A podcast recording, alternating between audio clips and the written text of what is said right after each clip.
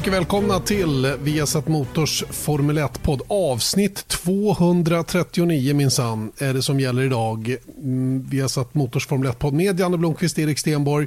Där vi idag eh, ska uppmärksamma att Sir Sterling Moss gick bort häromdagen under påskhelgen. Eh, 90 år gammal, eh, fyra gånger tvåa i Formel 1-VM utan att vinna en endaste gång. Väldigt stor förare. Vi ska prata om det senaste från Formel 1 när det gäller gäller eh, kalendern och sådana saker. Ross Braun har uttalat sig igen. Eh, det har varit ett teamchefsmöte i förra veckan. Eh, vad sades på det mötet och vad får det för, för återverkningar på, på framtiden? Och eh, vi får dessutom höra vad Ferraris teamchef Mattia Binotto har att säga om bland annat då eh, vad han tror om start på årets säsong och vad han tror om eh, budgettak och, och om man tyckte att det var rätt att man flyttar fram det nya reglementet ytterligare ett år. Eh, vi ska dessutom eh, vi ska prata lite simracing den här veckan också faktiskt. Det är ju, man blir mer och mer inne i det här ju, ju, ju längre det rullar på och ju mer insatt man blir. För det har åtminstone inte jag varit tidigare. Erik Stenborg, hemma i soffan? Nej, jag sitter i sängen. Ja, sängen. Okej. Okay. Det är nästan samma. Ja, nästan samma, men inte riktigt. Någon eh, fin sänggavel. Ja, tack. Tack ska du ha. Ser ut som en soffa, uppenbarligen. Ja. Eh, exakt. Ehm, senaste veckan varit bra? Ja, men det har varit bra tycker jag. Det är, eh, du vet, jag har läst någon artikel här om, om den här coronakrisen, att det som folk upplever nu är, går i samma cykler lite som en sorgeprocess, att man känner förnekelse, man känner acceptans ibland, man känner ilska ibland. Eh, och just nu så känner jag mig lite Eh, inte förnekelse i alla fall. Du är lite, du är lite down. Ja, men eh, jag tycker nu, nu kan det... Nu, nu, nu får vi det. slut på det här. nu räcker det. Tack så mycket. Nu har vi gjort det här. Nu Den här övningen är över nu. Nu går vi ut och möter folk. Men du, det är ju fascinerande då. Vad, vad, vad, hur, ja, men det, jag håller med dig. Man, man kastas fram och tillbaka mellan allt man läser. Ena dagen så tycker man, fasen nu är det ändå lite positiva signaler, eller hur? Mm. Man bara säger, ja, det, vi, vi platåar och det är eh, Österrike håller på att lätta på restriktionerna och så nästa dag bara, ja, Frankrike förlänger och i England är det katastrof, i USA ja. dör de. Du vet, man, man vet liksom inte vilken fot man ska stå på riktigt. Va? Och sen alla dessa fantastiska diskussioner som är ibland rätt underhållande att följa på diverse sociala medier, flöden och, och ibland dyker det då upp någon som, som sitter mitt i det och verkligen har lite fakta att komma med och så, och så blir det intressant att läsa vad, vad, folk har för reaktioner på det. Det som är mest fascinerande det är hur, hur många som sitter där hemma och, och tycker att de vet vad som är rätt. Mm. Det tycker jag är intressant. Precis som att Folkhälsomyndigheten inte har någon koll överhuvudtaget och har ingen grund för sina beslut whatsoever. Mm. Det, det är sånt tycker jag är fascinerande. Utan att lägga någon värdering i vad folk tycker åt ena eller andra hållet. Va? Men det är intressant ändå hur man ändå tycker att det man själv kommit fram till via diverse efterspaningar, det är det som är det rätta. Mm. Men det är ju det där, jag tror att det är precis det som jag nämnde, den här sorgeprocessen. Det är liksom att ibland så blir man uppjagad över att det är så pass öppet och ibland så blir man uppjagad för att, det är, att man är inte lika öppen som man var tidigare. Alltså det, det är ju den där grejen att jag tror att det är jätte, eller det är ju jättejobbigt för alla det här och det är ju någonting som ingen har varit med om tidigare så det är ju, det är ju nog ganska normalt. Men jag tror att apropå det där att lyssna på vilka man lyssnar på så har jag nästan stängt ner allt annat förutom 14.00 eh, Folkhälsomyndighetens presskonferens. Det är det enda jag mm. följer slaviskt, liksom, förutom ja, Formel 1. Då. Men det var ju lite det vi pratade om någon gång för länge, länge sedan, alldeles i början av där, att man vill ha en kanal för allting. Mm. Man vill ha liksom ett, en, en källa.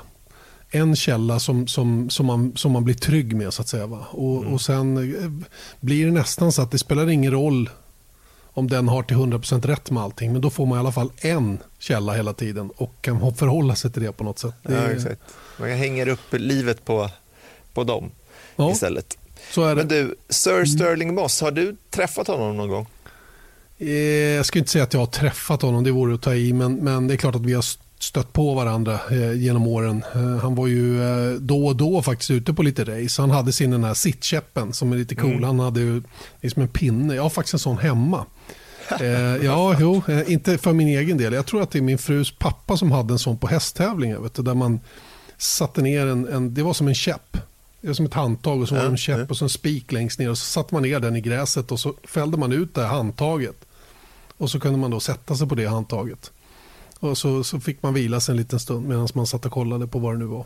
Ja, och det exakt, hade som sagt... Exakt det... hade en sån, eh, hade Sterling Moss då in i depån. För, jag menar, sen jag sett honom så har han ju åtminstone passerat 75, kanske 80 till och med. Mm. Eh, och, och um, han dog, när han dog nu då i helgen så blev han, han blev 90 år då. Mm. Eh, men en cool gubbe, verkligen. Och, och, sen har man ju sett gamla klipp då när han jobbade med tv-sändningarna och den här legendariska intervjun då med James Hunt till exempel. där det är en fantastisk, fantastisk människa på alla sätt och vis utan att jag någon gång såg honom racea. Eh, men men eh, jag, jag, tar andras ord på att han var en, en stor förare och jag menar, hans, hans track record talar ju sitt eget språk. Ja, för han kallades ju Mr Motor Racing och tävlade då mellan 1948 och 1962. Och då, under den tiden då så körde han 529 race, av vilka han vann 212 stycken. Eh, inklusive då 16 F1-lopp. Och ett år, jag kan inte svara på vilket av de här åren, men då körde han 62 race på ett och samma år. Imponerande. Eh, det är ganska bra tryck i racingkalendern då. Det, det är ju liksom inte varje helg, utan det är ju flera gånger varje helg. Hur det nu går ihop, jag förstår inte riktigt hur, hur ja. Kör du både F, F2 och F3 samma helg, plus ja, F1? Säkert massa sådana saker. Men, och, och, det är det som jag tycker är lite spännande när man tittar på hans records i, i våra jag har ett sånt här datastatistiksystem där. Eh, det är just, den tar liksom aldrig slut när man scrollar. Man ser liksom alla raceanställda uppe i och sånt där. Det, det, är en sån där som man får inte i pekfingret när man ska scrolla så långt. För han körde 84 olika bilar under karriären.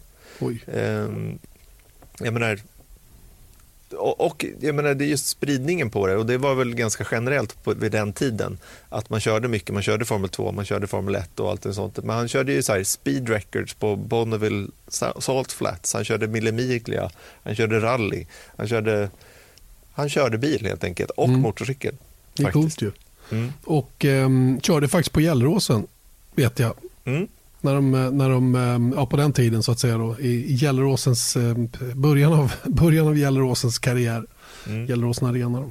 Så han har varit i Sverige också och tävlat. Och det fanns ju andra svenskkopplingar då som vi nämnde i F1 på en live i söndags då, så var ju hans syster Patmos eh, gift med Erik Karlsson på taket. Så var det och mm. han anses av många vara den bästa föraren någonsin utan en VM-titel. Han kom alltså, eh, som du sa också, tvåa i VM fyra gånger. Och under en sjuårsperiod där så kom han tvåa fyra gånger och trea tre gånger. Så det var ganska bra record i alla fall, trots att han inte vann den här VM-titeln då. Men han avslutade sin aktiva karriär eh, efter en krasch på Goodwood 1962. Och han låg efter den kraschen i koma i en månad och vänstra sidan av kroppen var delvis förlamad i sex månader. Och jag kollade på bilder nu precis innan vi började spela in att alltså, det är smulor kvar av bilen. Och en cool grej som han gjorde då att han sparade den ratten och jag vet att han hade den på, på väggen hemma i sin lägenhet i Mayfair och den är, det ser ut som en liksom, det ser inte ut som en ratt längre eller den är liksom bara minst sagt krokig. Eh, och därefter då så skulle han kom, göra comeback, men då kände han att han hade gjort en, ett privat test med Lotus och då var några tiondelar av och han kände att nej, men jag har inte samma kontroll längre så då, då eh, la han hjälmen på hyllan. Men med det sagt då så kom han ju tillbaka för enstaka event under lång tid därefter. Jag vet att han, min statistiksida. Det gick där till 1982 tror jag och då körde han typ eh, BTCC liknande grej i England. Så att mm. han, han körde ju fortfarande. Fascinerande, fascinerande mm. person. Sir mm. Sterling Moss alltså, 90 år gammal blev han när han gick bort på påskdagsmorgon tidigt om jag förstått saken rätt. Och efter en lång tids sjukdom då ska väl tilläggas. Han var ju som sagt 90 år gammal då och eh, tiden hade tagit ut sin rätt skulle man kunna säga. Mm. Men vi minns honom. Vi minns honom med glädje och eh, gå in och googla och titta på gamla klipp eh, på Sterling Moss. Det, det, det är coolt. Rakt igenom. Eh, det om detta. Ska vi prata lite kalender då? Vårt vanliga kalenderuppdateringssnack eh, när det gäller Formel 1-kalendern där vi eh, är framme vid ytterligare ett race nu då som är gravt i riskzonen då, nämligen Frankrikes Grand Prix på Paul Ricard. Eh, detta efter att Frankrike nu har förlängt perioden när det inte är tillåtet att ordna, ordna mm, sportevent. Och jag gissar att där ingår även då Tour de France då, som man pratade om skulle kunna vara den lilla ska vi säga, det lilla halmstrået för, för Frankrikes Grand Prix att kunna arrangeras. Eh, för hade man fått fart på Tour de France ja, då, då, då hade det varit möjligt kanske att ordna ett franskt Grand Prix också men det verkar som sagt inte bli av då. Mm. Jag förstår dock inte kopplingen riktigt där emellan för att än en gång, alltid när vi pratar om det här så kommer vi alltid fram till i slutändan att det är inte organisatörerna av olika sportevent som bestämmer utan det är ju, det är ju eh, viruset som bestämmer eh, helt enkelt. Och jag tänker liksom, bara för att man skulle komma igång med Tour de France eller inte, vad, vad har det med saken att göra med? Jo, det med... skulle ju vara att de fick tillåtelse att arrangera Tour de France då. Då skulle man kunna få tillåtelse att köra Formel 1 då. Det var jag vet, men det beror ju fortfarande på vad, hur virusläget Hur viruset ligger till, ja. Precis. Men det var väl lite att det börjar, de börjar ju släppa på det lite grann då, men, men eh, tydligen inte tillräckligt då för att kunna, kunna arrangera något race. Mm. Men det senaste nu är ju ändå att eh, man förflyttar ju eh, starten av säsongen, eh, åtminstone liksom, i minsta fall mentalt. Och nu ligger det väl någonstans där i, jag tror att det kan absolut komma att bli senare än så, men någonstans nu så diskuterades det mitten, av, mitten slutet av juli någonstans där.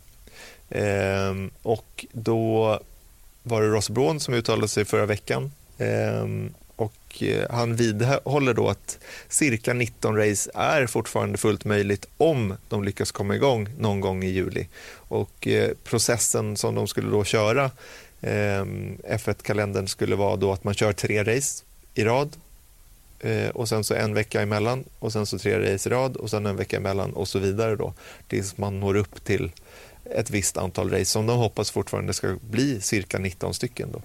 Mm. Eh, och det som, eh, det som då efter det eh, också kom ut var att någonting som var troligt i alla fall var en start i Österrike. Eh, och där skulle man då köra en double header, det vill säga två race på samma ställe. Eh, gissningsvis helgen efter varandra då. Eh, och eh, på det viset kunna stöka av åtminstone två race då, utan att någon behövde flytta på sig och enkelt rent logistiskt då med, där Red Bull naturligtvis kan vara kan vara behjälpliga på alla sätt och vis då, som äger banan och, och, som har stort intresse i att det här faktiskt sparkar igång nu. Då. Mm. Men det verkar vara lite politiska hinder för det där om jag har förstått saken rätt i Österrike vilket gör att inte det där är, det där är helt hundra att det är möjligt. Mm. Ja, och det är samma sak där någonstans att, att eh, man får ju se hur det ligger till eh, när man börjar närma sig där. Då. Så att, eh, och jag menar, ja, och det är väl någonting som vi ska komma till lite senare då. Men Formel 1 då, enligt Ross då, de prioriterar verkligen att hålla igång säsongen när de väl sätter igång. Alltså de vill inte sätta fart på allt och sen tvingas stänga ner. Eh, som det blev lite i Australien då, att okay, nu hade man inte, då trodde man väl fortfarande att man skulle kunna genomföra det på eh, bättre sätt än vad som faktiskt gick, men, men de vill liksom inte sätta igång i Österrike och sen så, jaha, och så får vi vänta hamna i en liknande situation som vi är nu, att vi inte vet när nästa lopp kommer köras, helt enkelt. Nej, det är, och jag förstår det faktiskt. Det är, det är lika bra att de säkert, och det är, de har inget val, för de får inte köra på ett ställe och sen pausa på något annat. Utan det, det, här kräver ju att världsläget är på ett sådant sätt att det faktiskt är hållbart att dra igång. Mm. Eh, men det finns, finns ingen poäng överhuvudtaget annars att, att, att försöka ens göra det då. Nej. Som sagt, som vi har pratat om tidigare också, att åtta race då krävs för att eh, det ska bli ett VM, ett officiellt VM. Och eh, deadlinen, eller som Braun uttryckte det, drop dead point för att hinna med det antalet är att man sätter igång någon gång, gång i oktober. Och det han menar är då att den mest sannolika situationen är en start i Europa någonstans, om det är Österrike eller inte får, eh, återstår att se. Eh, och att det då mycket väl kan handla om ett stängt event Alltså att ingen publik utan bara absolut nödvändig personal är på plats då. Ehm, och det är ju just för att jag menar, det, majoriteten som tittar på Formel 1 gör det i alla fall eh, trots allt hemifrån. Då. Ehm, så det får man väl ta eh, för vad det är då. Men som sagt, då, det kräver att pandemin lugnar ner sig så pass att man kan resa ansvarsfullt, eh, som man uttrycker det. Då. Men han menar dock samtidigt då att F1 skulle kunna anordna en säker miljö eh, för de som måste vara där. Alltså att man chartrar flygplan, eh, alla är testade som kommer dit, de testas på plats, alla bor på samma hotell eh, och så vidare. Eh, och då kanske man skulle kunna ja, beroende på då hur pandemin ser ut i övrigt. Då. Jag menar, de, kan ju inte liksom isolera alla som är ett raceteam, även om man bara skickar eh, 50 pers per team, hur det nu ska gå till. Så måste ändå, liksom, de har ju sina liv och de träffar ju andra människor i, i, i, privat så att säga. Så man kan ju inte hålla en helt kontrollerad miljö, men det bygger på då att har värld, det globala läget lugnat ner sig så pass så att det är hyfsat säkert att, att röra sig, då kanske man kan kontrollera det bättre. Och mm. då kan F1 då skapa eh, en så kallad säker miljö. Mm. Och, och som sagt, om alla är testade då innan, innan och finns det minsta tveksamheter överhuvudtaget så, så blir man nekad att följa med såklart. Mm vem vet om det där blir av. Alltså, herregud, det är så otroligt mycket frågetecken runt omkring det här. Men, men mm. Eh, det är väl helt uppenbart att det finns en enorm vilja att sätta igång i alla fall. Och, och ehm, ibland så funderar man lite på var, varför det finns en sån vilja. Vi ska komma till det lite senare. Ska, ska vi börja? Det var ju som sagt teamchefsmöte i förra veckan, Erik. Ja. Eh, där det var ett telefonmöte då mellan eh, Chase Carey, Ross Braun, eh, Jean Tott och eh, representanter då från samtliga tio team som då gick igenom ett, ett antal um, olika delar, då, uh, bland annat då reglementet såklart. Va? Och uh, med på det här mötet fanns då um, Ferraris Mattia Binotto och um, så här svarar han på när han tror att det kan bli möjligt att komma igång igen. Yeah, I think it's very difficult to answer. Uh, I think no one can really know it. We had a meeting yesterday with F1, FIA, the other teams. We discussed certainly the matter. Uh, F1 is certainly trying to organized, uh, the, let me say, the best championships they can do this, this season, eventually starting early July, if that would be possible, but we cannot not have any confirmation at the moment. So I think by end of May, maybe we'll have a clearer picture. I think it's in the interest of everyone really to start racing when, when we can, when that will be possible, have as many races as we can. Uh, but I think it's really uh, too early now to, to have a, a clear picture on what will be the future. So we know that from the sporting Rex as first to have a, a championships, uh, a world championships, you need at least eight races, but I think everyone is trying to look for more than that. I think what will be important for us is really to be flexible. I'm pretty sure that Chase and the teams, uh, he will be capable of putting in place the best championship we can have. So I think from our side is really uh, whatever is needed, short race weekend, double race, whenever it will finish, packing all the races together. I think that whatever will be, it's important to be flexible and making sure that we can have very good, good and great races as well for the fans. Precis som för alla andra. Svårt för Benotto att säga någonting om det. Eh, men, men återigen, man märker att de vill verkligen komma igång. Ja, ja men det, det är ju eh, absolut högsta prioritet. För det, det är just den här grejen att man, att man tänker i sina svaga stunder att men kan vi inte bara liksom, nu skrotar vi det här och så, så bara sätter vi igång den här.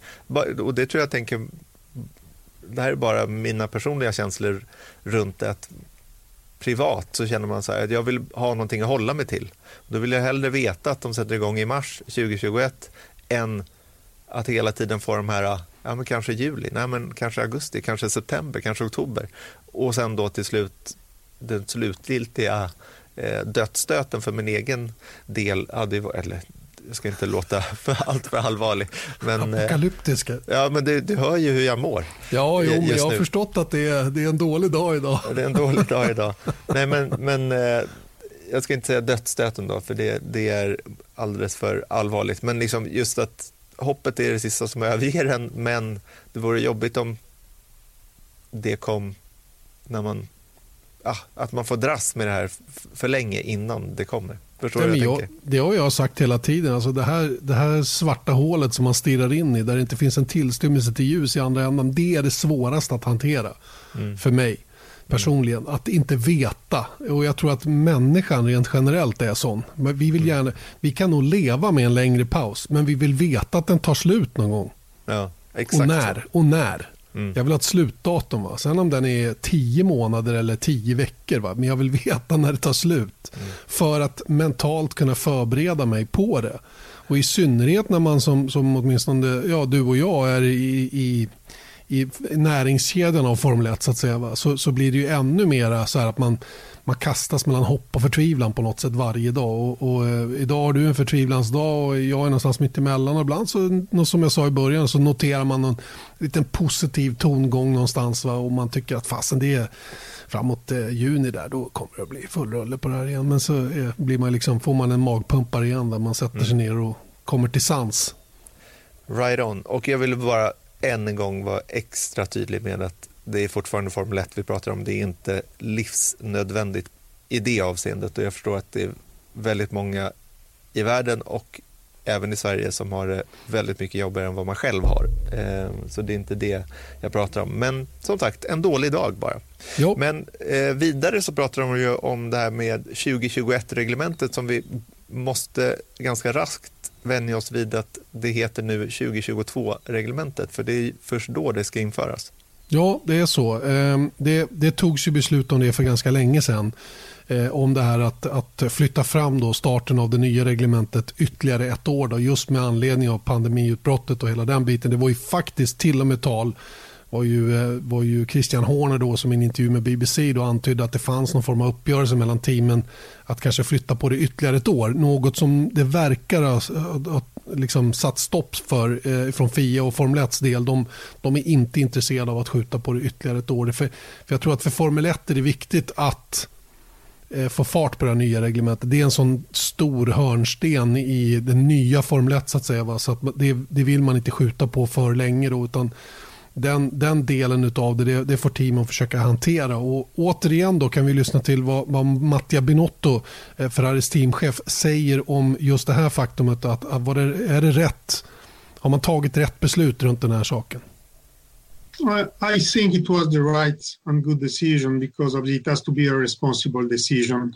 Uh, I think the situation and the emergency we are facing as first the, it becomes as a priority, not only I think we can not only act in the interest of a single team, in the interest of Ferrari, but really looking at the at a wider picture, a wider situation. And uh, obviously, we know as teams were in difficulty, time would become very tight to develop new cars for 2021. So I think at the end that was the right choice. And is that somehow um, not be in favor of Ferrari? Very likely, yes, maybe. But I think that we are uh, we are challengers and uh, we are as well people that wants to do each time better compared to what we did in the past and there will be times where eventually even if they will be tight we can, we, we can recover and be stronger. The new rules that will be now introduced in 2020 have been drawn up to for the good of the sports in mind as first try to leveling the field uh, and put a better show together. So hopefully with that type of rules we, we will prevent from one team being really dominant to the others. Ja, Binotto eh, tycker nog att det var ett smart beslut att ta att eh, flytta fram det nya reglementet ett år. Eh, det här var ju faktiskt någonting som många menade potentiellt var negativt för Ferrari. Mm. Som, som, eh, som behövde en omstart för att kunna utmana Mercedes på fullaste allvar. Men det är som, som man själv säger, där. Det är, visst så kan det ju vara, va? men i slutändan handlar det om vilka som gör det bästa jobbet. Mm. Eh, och det har kanske inte Ferrari gjort hittills. Utan nu gäller det bara att tänka till och inte ta några känslomässiga beslut. Ja, och det tycker jag är kanske det bästa som kommit ut av det här då att alla är lite mer förstående mot varandra också. Att det är, liksom, det, det är andra saker in play så att säga. Så att till och med ett så här bångstyrigt team som Ferrari tycker att det är mer eller mindre självklart. Eh, tycker jag är, är väldigt positivt. Mm. Eh, just det där med att de är bångstyriga Ferrari, det, det där är intressant. för Det har jag många gånger undrat. det där. Eh, för att Det framställs många gånger som att man, man, alla har sin stans i viktiga frågor och man är noga med att poängtera att vi vill det här och vi vill så här och varför det är si. Vi tar Zac Brown till exempel då, som också var med eller som uttryckte sig runt omkring det här mötet och ville ha ner budgettaket då ända ner till 100 miljoner dollar. Mm. Och Det är en annan sån där grej som, som är intressant. Och Ferrari har ju många gånger genom åren eh, varit inne på, eller ja, de har liksom satt sig på tvären mot olika saker. Va? När man lyssnar på Mattia Binotto så han, han verkar ändå vara en resonabel person. Den mm. första på, på, på väldigt länge som, som utåt sett kan förmedla den bilden av hur man tänker hos Ferrari.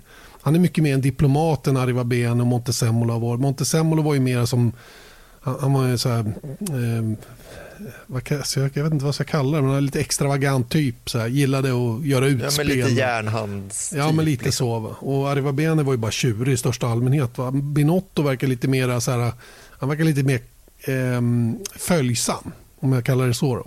Mm. Ja, men eh, pragmatisk. Bra ord, bra ord. Precis det jag menar. Och eh, jag vet inte. Det är, han verkar, han, verkar eh, han, han, han är smart och han har ju naturligtvis påtryckningar från, från sitt håll som han måste hantera då när de här viktiga frågorna kommer upp. Mm.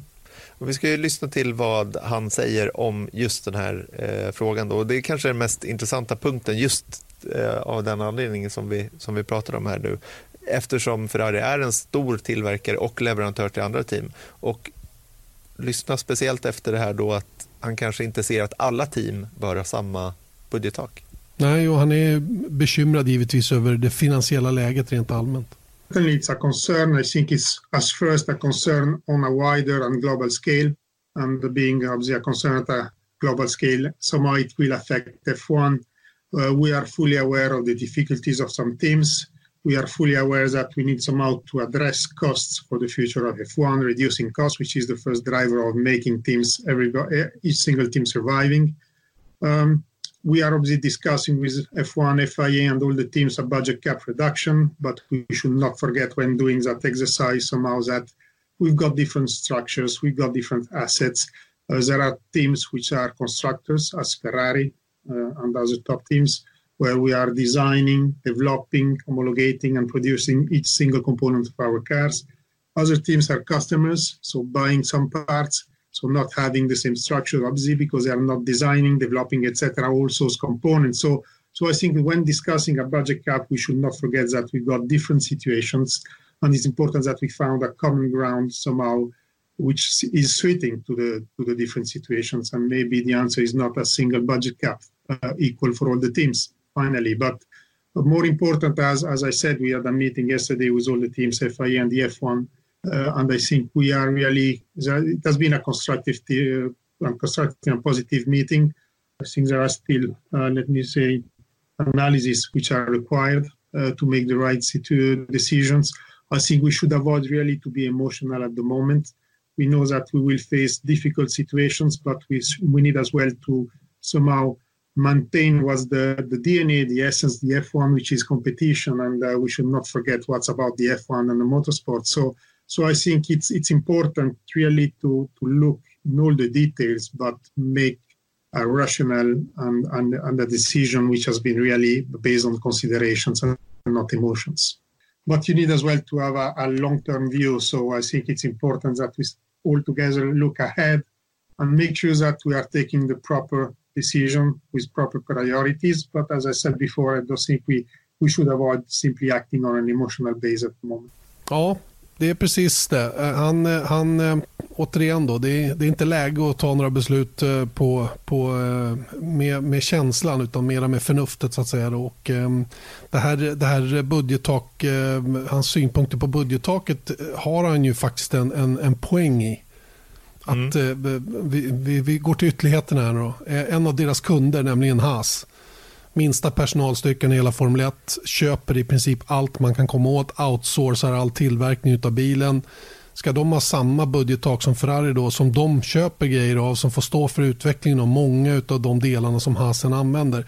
Man kan se att det, det, det kanske ska vara lite skillnad där. Um, eller, eller om det nu blir så att man bestämmer sig för ett tak mm. så kommer det att bli väldigt högt i tak för Haas och betydligt lägre tak då för, för Ferrari. Mm. Ja, och alltså jag, det är ju, jag har försökt att lista ut någonting smart och säga om den saken, eller en kompromiss, men det är över min kapacitet. Alltså att, att uh, hitta en, en, liksom en gyllene medelväg som kan funka för båda. Mm. Uh, jag har ingen aning om hur det skulle kunna se, se ut. Man pratar om en two-tier two-tier budget cap. Alltså att man ska ha två varianter på budgettak. Då. En för de, de, de, de fullblodskonstruktörerna, eh, mm, så att säga. Då. Typ Mercedes, Ferrari och Red Bull. Eh, Renault. Eh, jag vet inte om någon mer kan räknas in där. Vi har ju Williams och McLaren som faktiskt fortfarande tillverkar allting själva, då, utom motorerna. Eh, men om vi bortser från dem då, så, så, så, kanske de skulle kunna ingå där. Resten är ju mer eller mindre kunder. då. Eh, att de ska ha olika, olika tak. Då. Jag vet inte hur det skulle jämna ut Formel 1 på något sätt. Varför? Nej, det, det, är det som är slutklämmen ändå här. För att det är, det är det som var hela poängen med budgettaket. Okej, vi sätter ett tak, ingen får spendera mer än så och sen så förhoppningsvis då efter några år eller efter en tid så börjar folk vara mycket mer jämna mm. i pengarna de kan lägga ut och därav i, i prestanda på banan. Men om man helt plötsligt har, säg att de har 100 miljoner dollar för Haas och 175 för, eh, för Ferrari.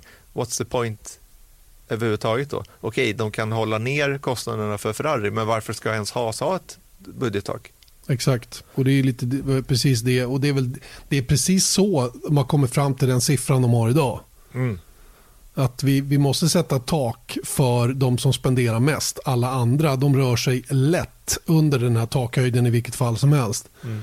Men, men, frågan är om man ska trycka ner det högsta taket ännu lite till, vilket jag tycker man borde göra. Det pratade vi om förra veckan, att, att vinna VM ska inte kosta 4 miljarder. Nej. Det, det, jag sa att det ska kosta en miljard, men säg att det ska kosta en och en halv miljard. Då. Mm. Eh, och, och jag, jag vet inte om jag talar emot mig själv från något an, någon annan går, spelar ingen roll. Jag bara, man ändrar ju uppfattningar om saker och ting. Men låt säga nu att man, att man eh, gav alla, alla en, en summa pengar att röra sig inom och ett lite friare reglemente. Då skulle man ju faktiskt kunna få det att funka. Va? Att man, man, man, man får en säck med pengar och det här får ni använda till att köra era Formel 1-bilar med. Så att säga, va? Och det var ju det som var grunden där och sen så var det lite eh, väl högt då för många och lite väl lågt för, för andra. Så att, eh, jag, jag, tror ändå, jag menar, det är just den här grejen också att man vill undvika att bli allt för komplicerad. För, att, äh, vänta, de är ju, för då blir det ju, om det är två olika budgettak, då, då, då blir det ju liksom rent utsagt Formel 1 och Formel 1 och en halv. Mm. Och det, menar, det har man ju dragits med som ett öknamn nu för att det ser ut som det gör med hur mycket teamen kan spendera. Eh, men om du verkligen så här, stoppar in det i reglementet, det tycker jag kanske är en steg för långt. Och det är väl bättre att ha ett, ett, ett något för högt eh, budgettak för Haas, men ett lågt budgettak för Ferrari. Då. Säg att man kommer ner till 150, säg att börja med 175 och sen så gå ner på, på 150 efter två år. Mm. Och sen så får det där glida ner lite grann. Men då, För det bygger ju också på reglementen vad, vad de ska göra med de där reglementen också. Visst är det så. Eh, men då kommer vi tillbaka till Zac Brown då, som, som eh, menar på att det här, eh, vi riskerar ju åtminstone fyra teams tillvaro i Formel 1 om vi inte gör någonting åt det här. Och, och jag är fortfarande helt övertygad om att hans ingångsvärde i hela diskussionen är att han vill närma sig toppen. Snarare att han är orolig för att hans team ska klara sig rent ekonomiskt och, och använder då krisen för att, för att promota sin, sin syn på det. Men, mm. men, men och, och det jag tror Formel 1 måste bestämma sig för det är ju, vill vi ha tio team som alla verkligen tillverkar allting själva? Mm. Då kanske vi ska lägga oss på 120 miljoner eh, och, och det, det, ska vara lika för alla. Och det är inte tillåtet att köpa någonting av någon. Vilket innebär att Ferrari kommer inte att kunna sälja några prylar till någon och, och, den utveckling de gör den är enbart för deras egen bil. Och då menar jag då, då, kan man trycka då kan man trycka ner allting och så tvinga alla som är med i Formel 1 att vara egna konstruktörer. Mm. Men man får en betydligt mindre summa pengar att jobba med. Eh, det enda som man får eh, köpa in då det, det är motorer. Och mm. det ska vara ett, ett, en, en, fri, en, en del av fabrik, fabrikerna som gör motorer, det ska inte vara inkluderat i Formel 1. Eh, I Formel 1-teamet så att säga. Då. Nu är Merca har ju sin, sin motortillverkning då i Brixworth och i, men det är ju otroligt nära Formel 1-teamet såklart. Va? Och vad är det Renault, de har sin i Viry utanför mm. Paris och, och, och, och, så vidare. och så vidare. Men, men att det, det ska vara separata enheter så att säga då, där även Mercedes får gå och få motorn till sin bil på samma sätt som alla andra får. Mm. Det kanske är där de där eh, olika budgettaken finns. Att det finns eh, 75 miljoner dollar, jag bara tar någonting från, från luften här, 75 miljoner dollar finns för motorbudgettaken eh, också. Exakt, och sen så drar man ner det ytterligare då för, för själva Formel 1-bilen då, så, och den blir lika för alla. Ja. Det kan, det, ja, det kan ju vara en, vara en poäng. Och Sen måste ju naturligtvis det här regleras uppåt vart efter åren går. Allting blir dyrare. Va? Men då har man ju på något sätt fått kontroll på saker och ting på ett sätt som inte existerar idag i vilket fall. Och som är tanken med det här föreslagna budgettaket som finns just nu. Då. Mm.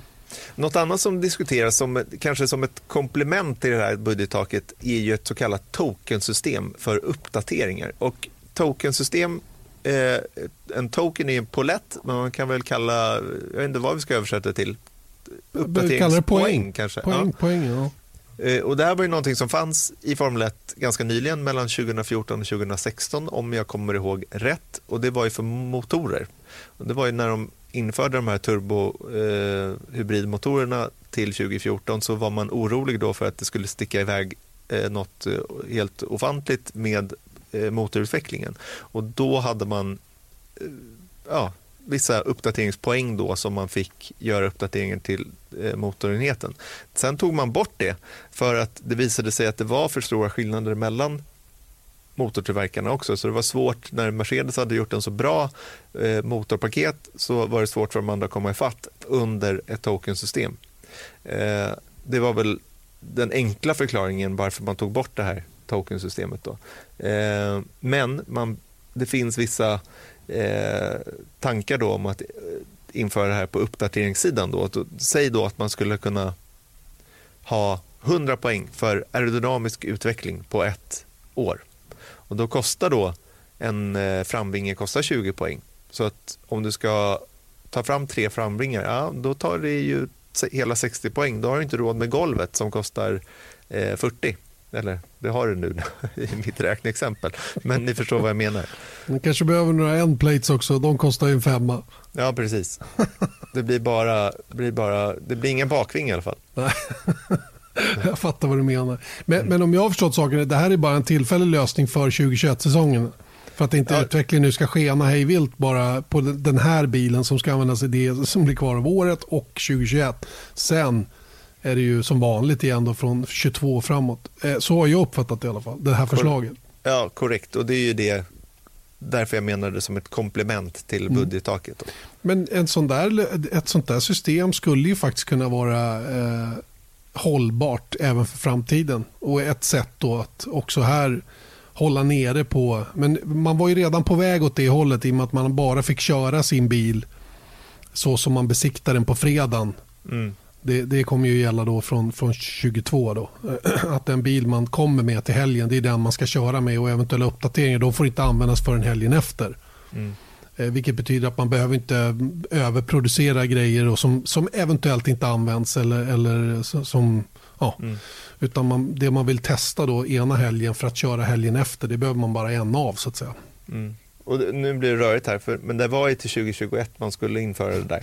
Eh, men nu har de flyttat reglementet mm. så nu vet jag faktiskt inte om de skulle ändå köra den där besiktningsgrejen på fredagen. Sånt där. Det här är överkurs. Kanske. Ja, och dessutom är det ju så att vi vet ju inte ens hur helgformatet kommer att se ut om de, när, de, när de nu kör igång i år. Så att, och det kan mycket väl vara grejer som, som följer med över till kött när man väl har fått prova två dagars helger eller vad det nu kan bli för någonting. Så att, mm. Det, det, det känns ju som att det är vet du vad?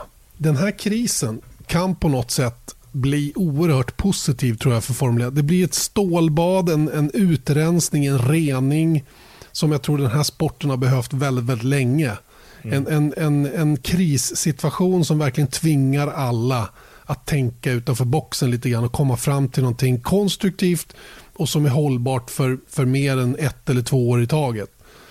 Det, det, det, jag, tro, vet du, jag tror att det kan bli det eh, resultatet av alltihopa. Det som är så fruktansvärt jobbigt och tungt just nu kan bli oerhört bra på andra sidan. Mm, hoppas det. Mm. det. Ett alternativ till just det här tokensystemet som också nämnts, jag vet inte om det är riktiga diskussioner eller bara att det är någon tanke, det är just att man skulle ha för, förbestämda antal gånger som man får ändra konfiguration på bilen per säsong. Alltså, och Det skulle då istället vara för att, ja, vänta nu, för det kan ju bli komplicerat med tokens. För då är det så här, ja, men vi ska inte ändra hela framvingen, vi vill bara ändra våra endplates. Eh, vad kostar det? Ja, förstår du? Det kommer ju finnas en, ett listpris här som kommer vara svår att avgöra vad ger det här faktiskt i faktisk prestanda mm. eh, och hur mycket kostar det för teamen att göra det här.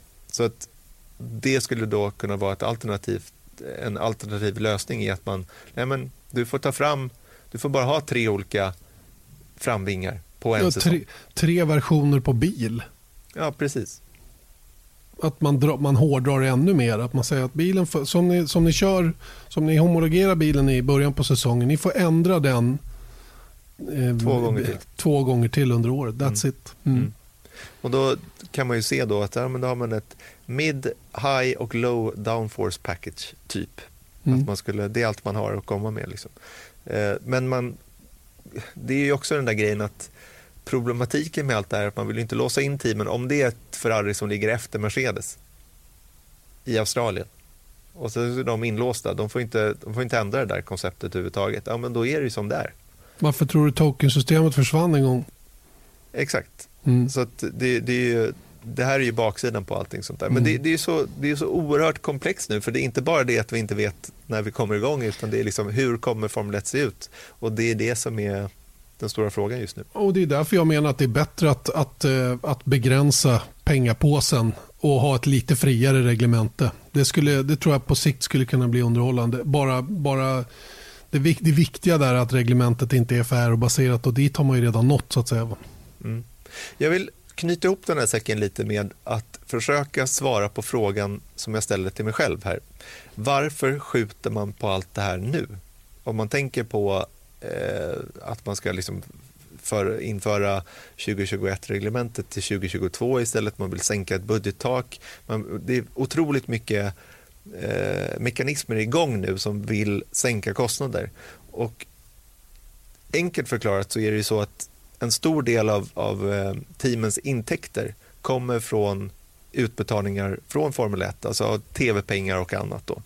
Eh, och de här pengarna då baseras då på föregående två årens VM-tabeller.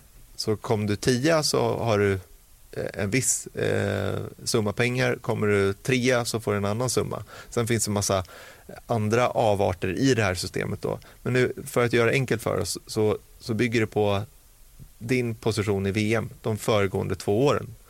Och det gör eh, att i år får teamen fortfarande de här utbetalningarna från Formel 1 från de föregående två åren. Men kör man inte i år så kommer ju inget utbetalning för 2020 under 2021-2022. Hänger ni med?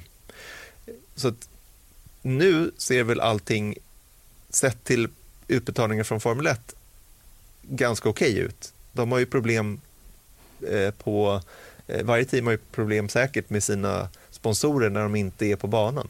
Eh, men det är deras privata uppgörelser med andra varumärken. Men de här stora pengarna som kommer från Formel 1, där kan det bli ett hål först kommande år. Så där blir ett jättelångtgående ekonomisk problematik då att inte bara att man inte kör i år och man tappar pengar på det utan det släpar också efter de kommande två åren.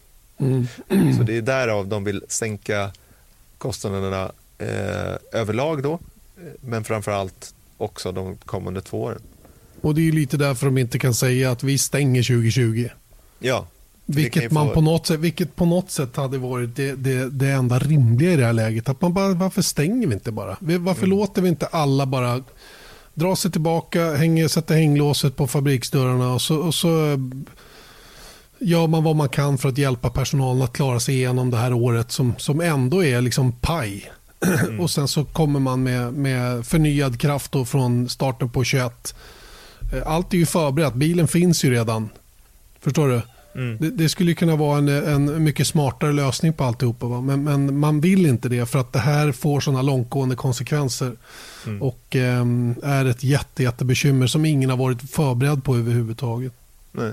Det, alltså, det, kan ju, det, det, kan ju vara liv och död alltså för enskilda stall, och, eh, men även som Formel 1. Alltså, det är ett börsbolag som inte går speciellt bra just nu av förklarliga skäl. Då.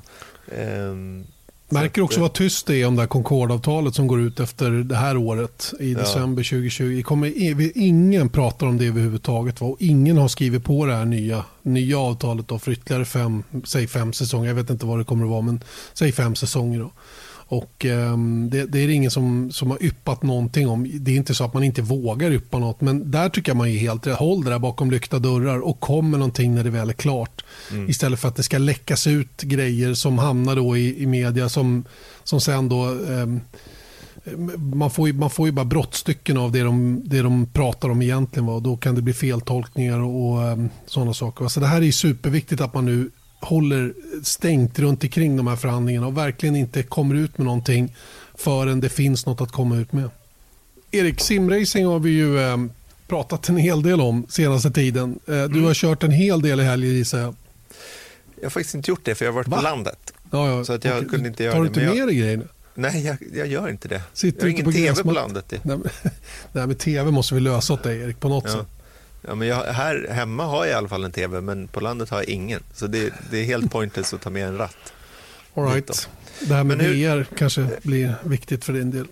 Ja, man får se. Men du, hur, hur känner du runt det här med simracing egentligen nu? För det var ju så här, om jag tänker liksom tidslinan här, att det var så här, ja, nu sätter vi igång Formel 1 och Indycar och allt vad det är och sen så blev inte det och sen så kom det, dök simracing upp från ingenstans. Det, det hade funnits länge såklart ändå, men just i folks medvetande. Och då tyckte jag att wow, vad kul att allting eh, dyker upp här nu. För det är ju bättre med simracing än ingen racing. Och sen så, det kanske jag har med mitt current state of mind att göra. Men helt plötsligt så fick jag lite så här, jag vill inte, alltså jag tycker fortfarande att det är kul att köra, men jag bara, jag orkar inte bry mig om simracing längre. Fick du tar det inte riktigt på allvar? Nej, men grejen är så här, jag, jag tyckte att jag slogs ändå av det nu att när man tittar på Indycars iRacing-liga där, att det har ju blivit otroligt seriöst från 0 till 3000 ungefär.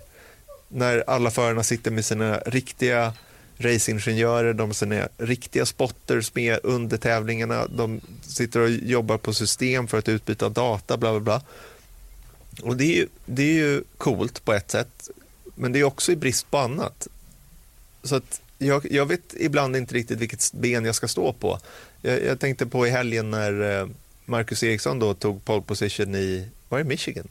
Michigan International Speedway, yes. Mm. Och vi sände det racet. Och sen så tänker jag ändå på när man sitter och tittar på det, vilket är underhållande. Jag, jag hoppas fortfarande att de, att de fortsätter med det, men jag vet bara inte vad jag ska tänka längre.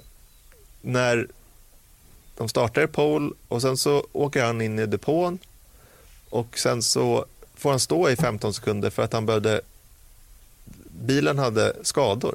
Men det var inte ens skador som han hade märkt. Nej. Vilket gör att allting blir förstört. Och sen tänker jag på Lando Norris som kör eh, Formel 1-versionen av deras eh, e-sport, eller ja, eh, simracing eh, race då. Han har ju knappt kört för att han har blivit utslängd från sin typ den här portalen på varenda gång i stort sett. Och det blir, det blir liksom lite så här, det är seriöst, det är häftigt, det är kul att det finns någonting att följa, men jag kan liksom inte komma ifrån att det är ju inte riktigt det. Jag har svårt att liksom verkligen tända till. Mm. Jag har vad du säger och jag förstår vad du säger och jag kan väl eh, i, i, i, stora delar hålla med. Eh, det jag tycker är kul däremot det är att det här har dykt upp. Eh, mm. Att det har blivit så seriöst som det har blivit i Indycar det tror jag hänger ihop med, precis som du är inne på, att det, det, är, liksom, det är det enda som finns. Och tävlingsinstinkten hos alla förarna är ju uppenbar. Alla vill ju vara med och köra om man tycker det är kul. Inte minst eh, våra svenska killar då, som, som gör det hyggligt ifrån sig. Felix som var snabb redan från början och har kört kanske lite mer än vad Marcus har gjort. Men båda tycker det är väldigt kul att hålla på. Mm. eh, sen, sen, finns det ju sen, det, det, finns uppenbara brister i, i, um, i um, i simracingen som, som man nu får en... Eh, dels blir de exponerade, precis som du beskrev det. Något som har varit eh, vedertaget för alla de som håller på. De vet att det är så här och det upprör inte för mm. de som håller på vardagligdags. Va? Men för oss som, som kommer in då som, som eh, storfräsare och tycker att nu ska vi kolla på, på simracingar och tycka en massa saker om ditten och datten. Vi blir lite så förvånade över det ena med det tredje. Men det jag tycker är intressant däremot är att den här sporten om vi kan kalla det det då, eh, det kan vi väl. Eh, den, den, är ju, för det, det är ju tävlingsmoment trots allt. Den har ju världens chans nu att, att liksom fila på eventuella brister. Och tänk dig själv att vi har racing året runt. Jag menar Indycar-killarna kör ju till september och sen så börjar de inte förrän i mars. Det är en jätteperiod. De skulle ju kunna stänga butiken i Laguna Seca när de nu väljer att eh, avsluta säsongen. Och sen helgen efter då börjar iRacing Challenge. Mm. Och så bara rullar det på. Och så blir det en produkt att sälja eh, på olika, i olika plattformar. Kanske inte i tv, det kanske inte är gjort för tv, det kanske är gjort för YouTube eller, eller vad det nu är, andra digitala plattformar eller vad det nu är. Samma sak med Formel 1, samma sak med alla serier egentligen. Va?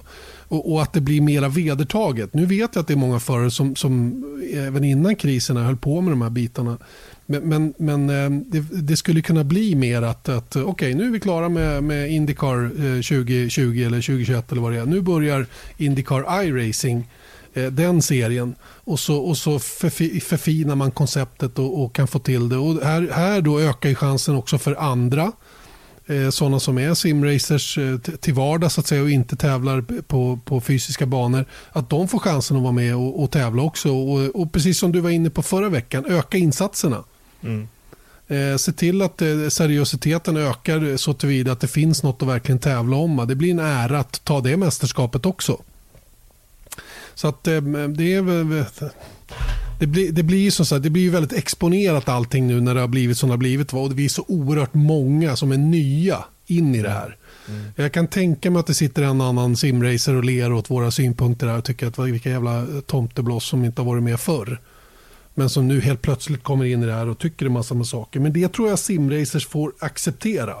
För att nu får ju sporten väldigt mycket mer uppmärksamhet och det självklart kommer det då en massa andra tankegångar och åsikter om det. Och, och det är ju lätt om man håller på att man, man tycker att ja, men det är väl bra som det är. Mm. Men ibland kan det vara bra att det kommer in lite andra synpunkter också. Jag tror att det som slår slint i mitt huvud är dock när det behandlas som riktig racing men det inte är riktig racing det är då det blir liksom lite fasfel i min hjärna. Att jag mm. vet inte riktigt vad, hur jag ska behandla det i mitt huvud. För att nu finns det ingen riktig racing, eller den finns, men den pågår inte just nu. Och då är det här, och då behandlar liksom tv-kanaler som våran, förare och publik det som att det vore på riktigt. Mm. Eller, det, jag säger så här, inte på riktigt, men att det vore samma sak. Och det är det inte ändå. Så det, det, det är där jag tror att det blir lite så här äh, fel. För det, jag tänker också på, jag tänker bara på skillnaden på folks, liksom hur folk utövar den här simracingen. Att, att äh, vi har vissa som sitter i riggar för 100 000 kronor. Eh, Jacques Villeneuve satt och kom sexa va, i något sportvagnslopp mm. med en mm. handkontroll. I det, Leg I det Legends-racet som Iris gör och han som vann, Emanuel eh, Pirro, Emanuel Pirro, han, körde med, han satt på en pinnstol hemma. Eh, hade ja. en gammal eh, Logitech E27 med en, en skokartong som skärmen stod på. Och mm. vann ju hela klubbet. Mm. Så att... Eh, mm. Så det är det jag menar bara med att det, jag, jag, ja, det blir inget bättre slutord än att jag vet ibland inte vilken, vilket ben jag ska stå på. Nej, sitt ner istället Erik, det är allra bäst. Jag gör det det är allra bäst att sitta ner. Det som vi kan vara helt övertygade om att jag, jag tror att det här är, det är ändå bra. Ja, till, till, till, största delen så tycker jag det är bra. Den här delen av, av uh, community, spelcommunityn behöver Formel 1 alla dagar i veckan. Eh, vi behöver sammanföra de här två sakerna. Och det tycker jag man har börjat med på ett föredömligt sätt. Och nu är det bara att bygga vidare. Och här får man ju verkligen världens chans att syna det här lite mer i sömmarna och hitta eventuella glitcher eller problem som, som man kan behöva fixa till framöver. Och sen ser jag fram emot iRacing-mästerskap under off-season. Så vi kan jobba året runt. Ja, och jag ser fram emot min egna ratt så att jag kan köra min Playstation på ett roligt sätt. Just det, så är det. Eh, right. lyck, lycka till med det. Nu kommer vi till den här magiska avrundningsfasen här. Eh, jag tycker inte vi ska göra plågan speciellt långvarig utan vi säger kort och gott att vi är tillbaka om en vecka igen. Vi kämpar på eh, F1-podden eh, med, eh, med allt vad vi har och kan och hoppas att ni uppskattar det och så syns vi hörs framförallt om en vecka igen.